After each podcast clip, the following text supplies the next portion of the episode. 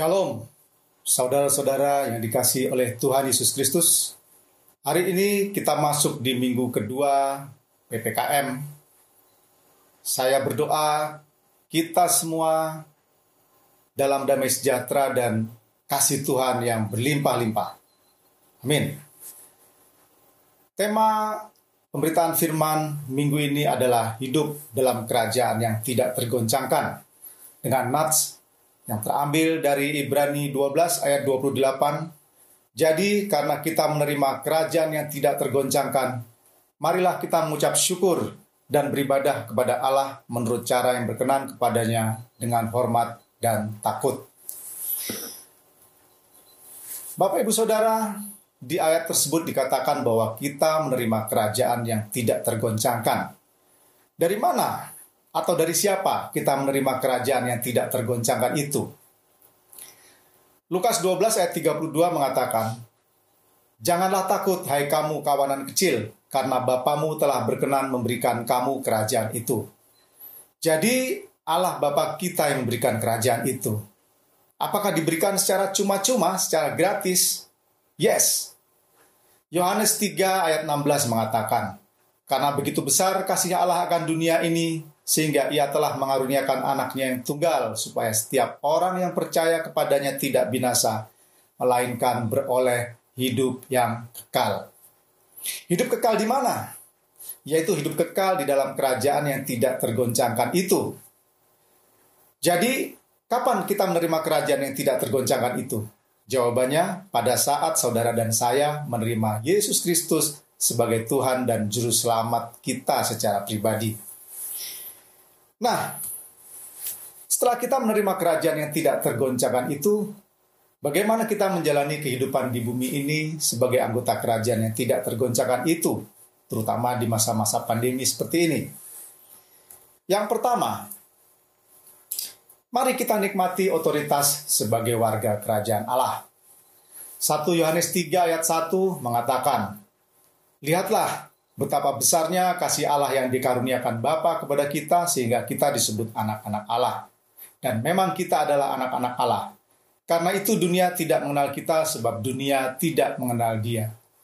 Bapak Ibu Saudara yang dikasih Tuhan, menjadi anak Allah adalah hak istimewa terbesar dari keselamatan kita kebenaran bahwa Allah adalah Bapa surgawi kita dan kita menjadi anak-anaknya adalah salah satu kesaksian terbesar yang dinyatakan dalam Alkitab khususnya Alkitab Perjanjian Baru.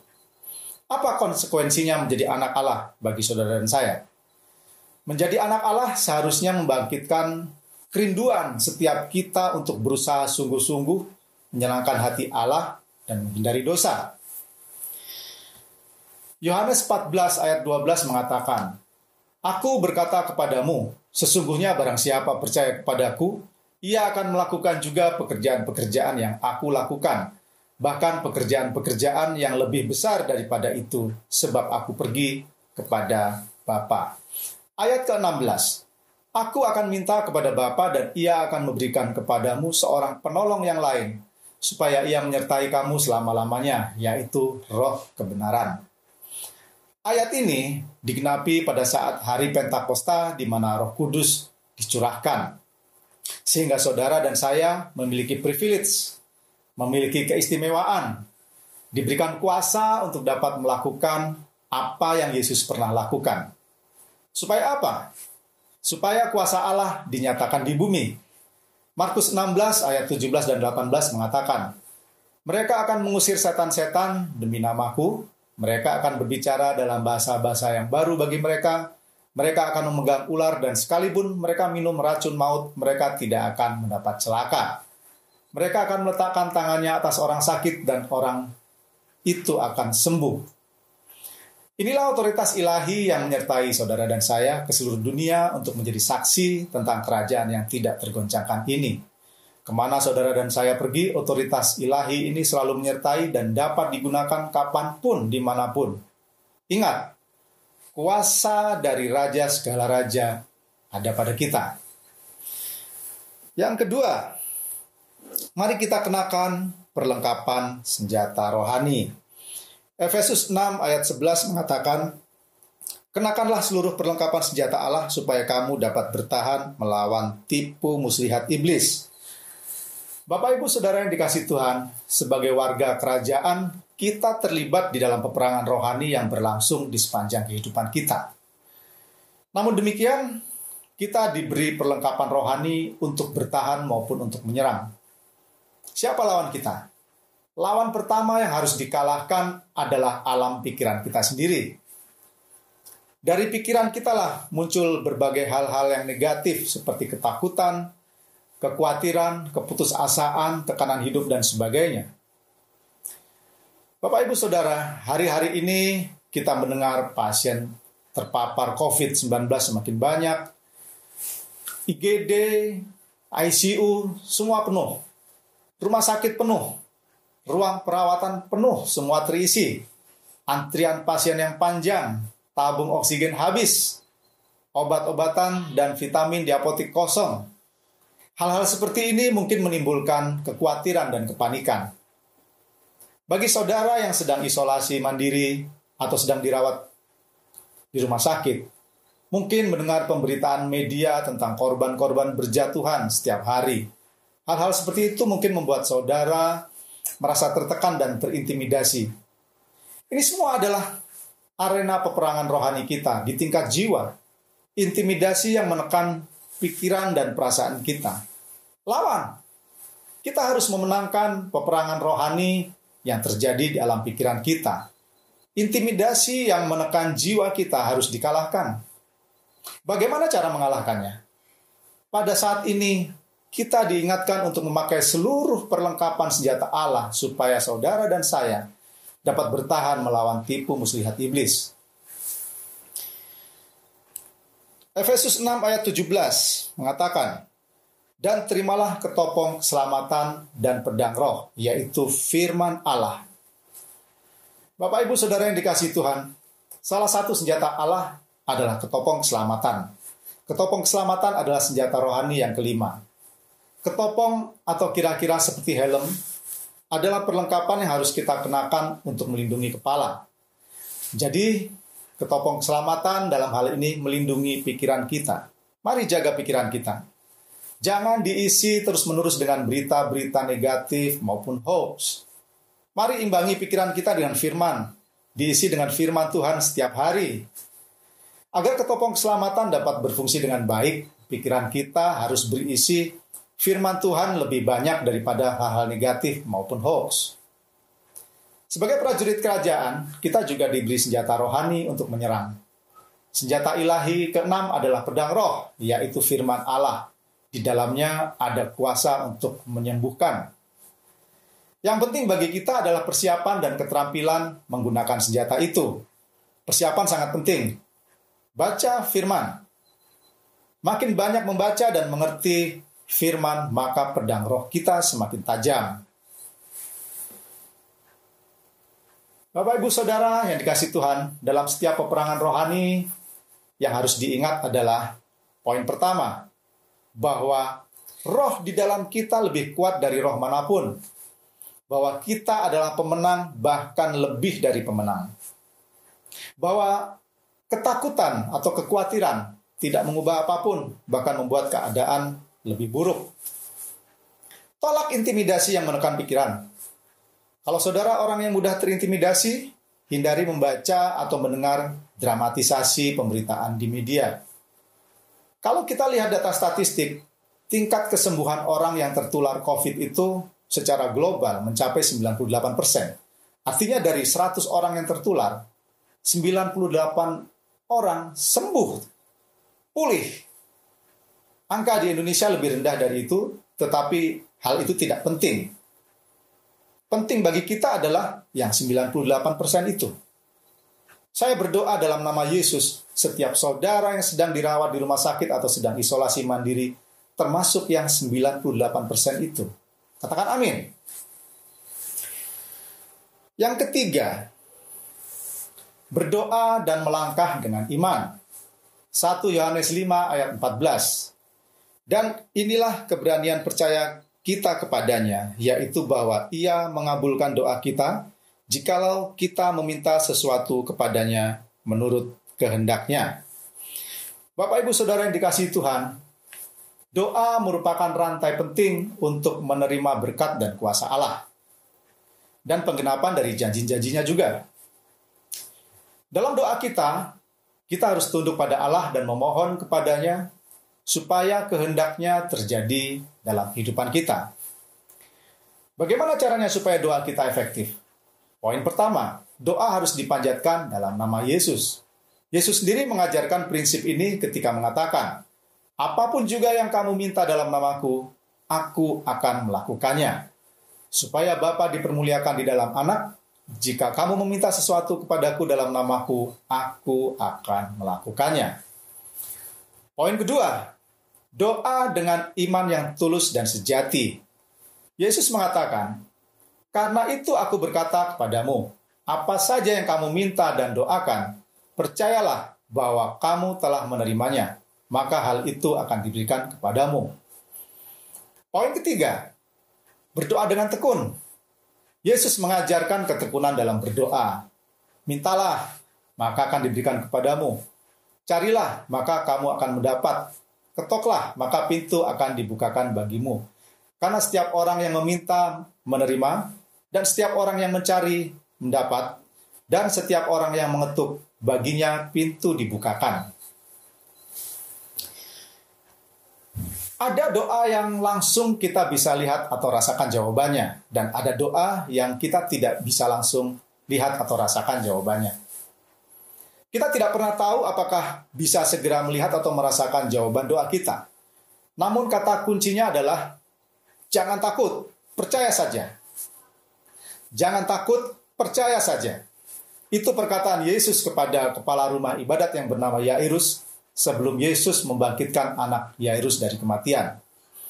Di kisah yang lain, seorang perempuan yang 12 tahun sakit pendarahan dengan iman menjamah jubah Yesus untuk memperoleh kesembuhan dan mujizat kesembuhan langsung terjadi.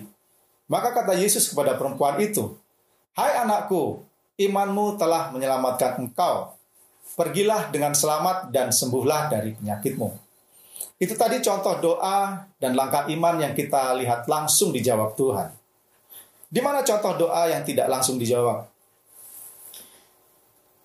Yakubus, ah, maaf, di kisah Lazarus dibangkitkan di Yohanes 11 ayat 6 dikatakan, namun setelah didengarnya bahwa Lazarus sakit, ia sengaja tinggal dua hari lagi di tempat di mana ia berada.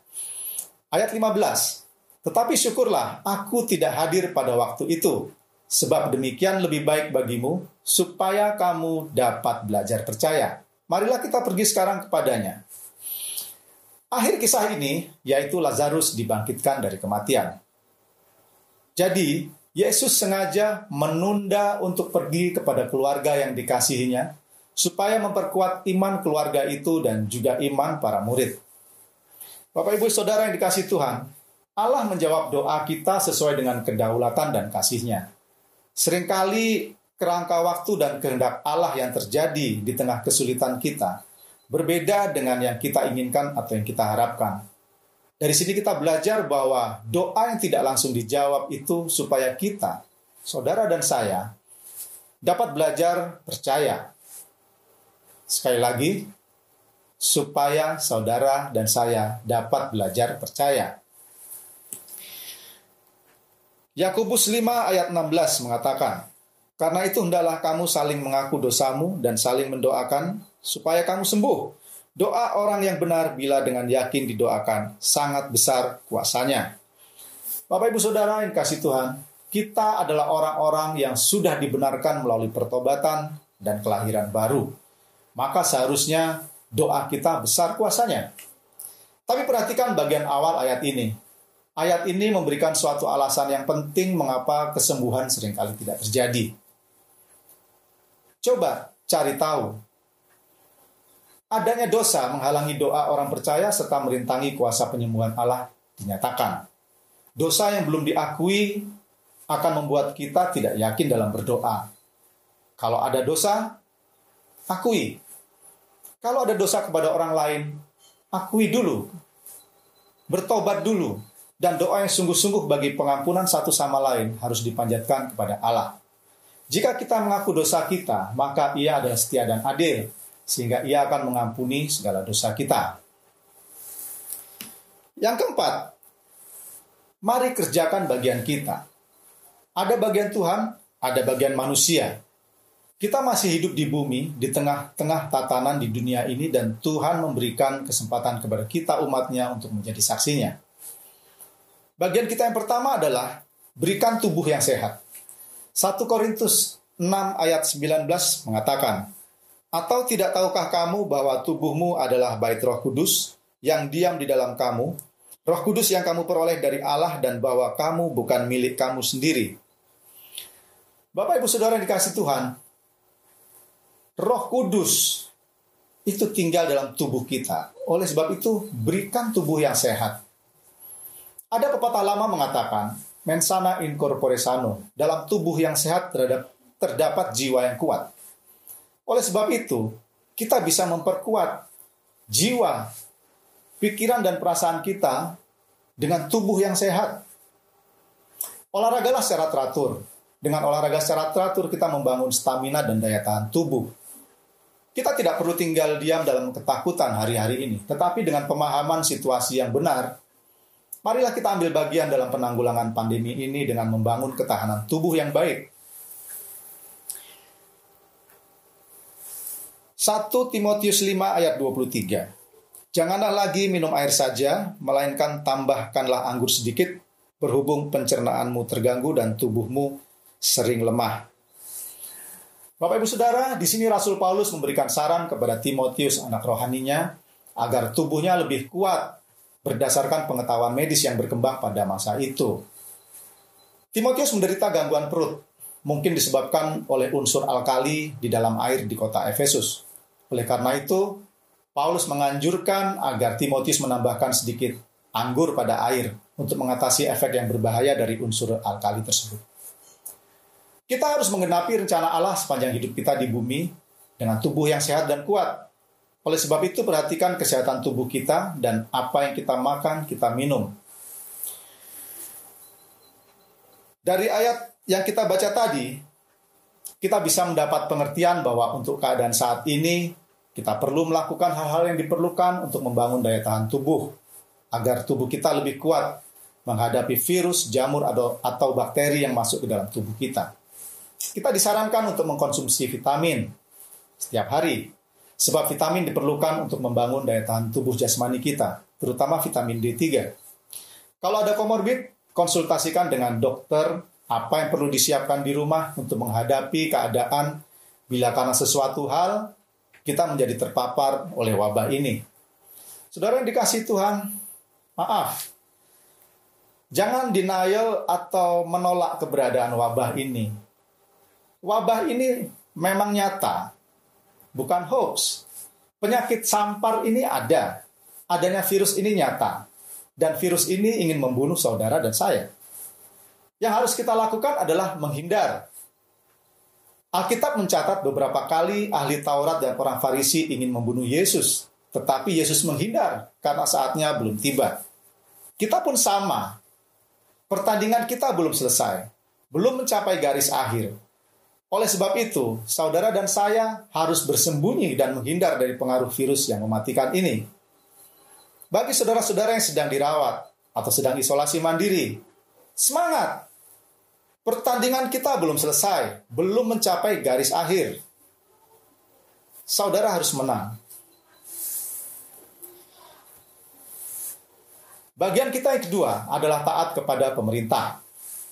Titus 3 ayat 1. Ingatkanlah mereka supaya mereka tunduk pada pemerintah dan orang-orang yang berkuasa, taat dan siap untuk melakukan setiap pekerjaan yang baik. Bapak Ibu Saudara, ketaatan kepada pemerintah adalah salah satu bentuk nyata menjadi saksi kerajaan. Satu-satunya perkecualian ayat ini adalah bila peraturan pemerintah bertentangan dengan ajaran Alkitab. Orang percaya harus taat kepada pemerintah, taat kepada peraturan-peraturan sipil, menjadi warga negara yang baik di tengah masyarakat. Jangan memfitnah. Ya, jangan memfitnah pemerintah. Jangan bertengkar dan hendaklah ramah satu sama lain bersikap lemah lembut terhadap semua orang. Jangan marah-marah menolak memakai masker. tidak mau taat kepada prokes, melawan petugas, melanggar aturan PPKM dan sebagainya. Mengapa hari-hari ini banyak orang percaya tertular? Seringkali bukan karena imannya lemah, tetapi karena sembrono, karena ketaatan yang lemah kepada aturan dan arahan yang diberikan oleh pemerintah. Maaf saudara, kita akui saja banyak yang malas berolahraga secara teratur, banyak yang tidak mau atau tidak tahu cara menggunakan masker dengan benar, banyak yang melanggar prokes, banyak yang membuka masker dan makan minum bersama-sama orang-orang yang tidak tinggal serumah. Dalam perkara ini, kalau saudara dan saya taat sepenuhnya kepada aturan dan arahan pemerintah, saya yakin tidak ada orang yang percaya, tidak ada orang percaya yang tertular wabah pandemi ini. Ingat itu, saudara-saudara. Bagian kita yang ketiga adalah hidup damai dengan semua orang. Roma 12 ayat 18 mengatakan, Sedapat-dapatnya, kalau hal itu bergantung kepadamu, hiduplah dalam perdamaian dengan semua orang. Bapak Ibu Saudara yang dikasih Tuhan, menjadi saksi kerajaan juga berarti melayani komunitas kita. Kita memberikan dukungan apa yang diperlukan masyarakat di sekitar kita. Misalnya, bila ada yang memerlukan bantuan informasi, berikan bantuan informasi yang benar. Misalnya di mana ada ruang perawatan yang kosong, menyampaikan informasi kepada Satgas bila ada yang perlu bantuan darurat, tidak ikut-ikutan menyebar berita-berita palsu atau hoax. Bahkan bagi saudara yang punya uang banyak, tidak ikut ambil keuntungan secara tidak etis dengan memanfaatkan situasi, memborong dan menimbun obat-obatan dan vitamin yang sedang dibutuhkan masyarakat, sehingga harganya menjadi mahal. Yang kelima, rancangan Allah tidak pernah gagal. Pengkhotbah 8 ayat 17 mengatakan, Makanya telah kepadaku bahwa manusia tidak dapat menyelami segala pekerjaan Allah yang dilakukannya di bawah matahari. Bagaimanapun juga manusia berlelah-lelah mencarinya, ia tidak akan menyelaminya. Walaupun orang yang berhikmat mengatakan bahwa ia mengetahuinya, namun ia tidak dapat menyelaminya. Bapak Ibu, saudara yang dikasih Tuhan, di ayat ini Salomo mengajarkan bahwa betapapun bijaksana kita, dengan cara-cara kita sendiri kita tidak bisa menerangkan segala yang telah dilakukan Allah ataupun cara-cara pemeliharaannya. Mungkin banyak di antara kita yang bertanya-tanya bahkan kecewa, mengapa Tuhan izinkan ada pandemi ini? Mengapa Tuhan izinkan ada wabah ini? Program gereja sedang bagus-bagusnya, semua terhenti akibat pandemi. Bisnis sedang bagus, penjualan sedang baik, akhirnya jadi bangkrut. Karir sedang bagus, sedang naik, eh kena PHK. Mengapa Tuhan ambil sahabat, teman, bahkan anggota keluarga? Kenapa pandeminya nggak selesai-selesai dan sebagainya? Ingat saudara, kalau Allah mengizinkan sesuatu terjadi, kita tidak perlu mengetahui segala alasan mengapa terjadi begini, mengapa terjadi begitu. Yang kita perlukan hanyalah mengandalkan Tuhan dan percaya bahwa Dia merencanakan dan menyelesaikan segala sesuatu dengan baik. Manusia tidak dapat menyelami pekerjaan Allah seutuhnya. Roma 8 ayat 28. Kita tahu sekarang bahwa Allah turut bekerja dalam segala sesuatu untuk mendatangkan kebaikan bagi mereka yang mengasihi Dia, yaitu bagi mereka yang terpanggil sesuai dengan rencana Allah. Allah turut bekerja. Itulah penghiburan penghiburan terbaik bagi anak-anak Tuhan ketika harus melewati masa-masa sulit dalam hidup ini. Janji ini terbatas hanya bagi mereka yang mengasihi Allah dan telah menyerahkan diri kepadanya melalui iman kepada Kristus. Kita hanya perlu bersikap rendah hati dalam setiap peristiwa yang terjadi dan membuka ruang bagi Allah yang turut bekerja. Saudara yang dikasih Tuhan, pandemi yang terjadi saat ini secara angka statistik hanya pandemi kecil. Gereja Tuhan sepanjang sejarah telah melewati beberapa kali pandemi atau wabah global yang mematikan. Apakah ada orang percaya yang menjadi korban? Ya, banyak juga. Namun demikian sejarah mencatat bahwa ada kegerakan iman orang percaya, ada pertumbuhan gereja yang dinamis menyertai masa-masa di sekitar terjadinya pandemi dan wabah mematikan itu. Apa pun yang sedang saudara dan saya rasakan hari-hari ini, Allah akan mendatangkan kebaikan dari semua kesulitan, kesesakan, dan tekanan apa pun. Tujuannya ialah menjadikan kita serupa dengan gambaran Kristus. Jadi, saudara-saudara yang dikasih Tuhan, hidup dalam kerajaan yang tidak tergoncangkan mencakup lima hal. Yang pertama, nikmati otoritas sebagai warga kerajaan. Yang kedua, kenakan perlengkapan senjata rohani. Yang ketiga, berdoa dan melangkah dengan iman. Yang keempat, kerjakan bagian kita. Dan ingat, yang kelima bahwa rancangan Allah tidak pernah gagal. Kiranya hari-hari ini kita semua, saudara dan saya, bisa melalui masa pandemi ini dengan tetap tegak berdiri sebagai anggota kerajaan yang tidak tergoncangkan. Tuhan Yesus memberkati. Amin.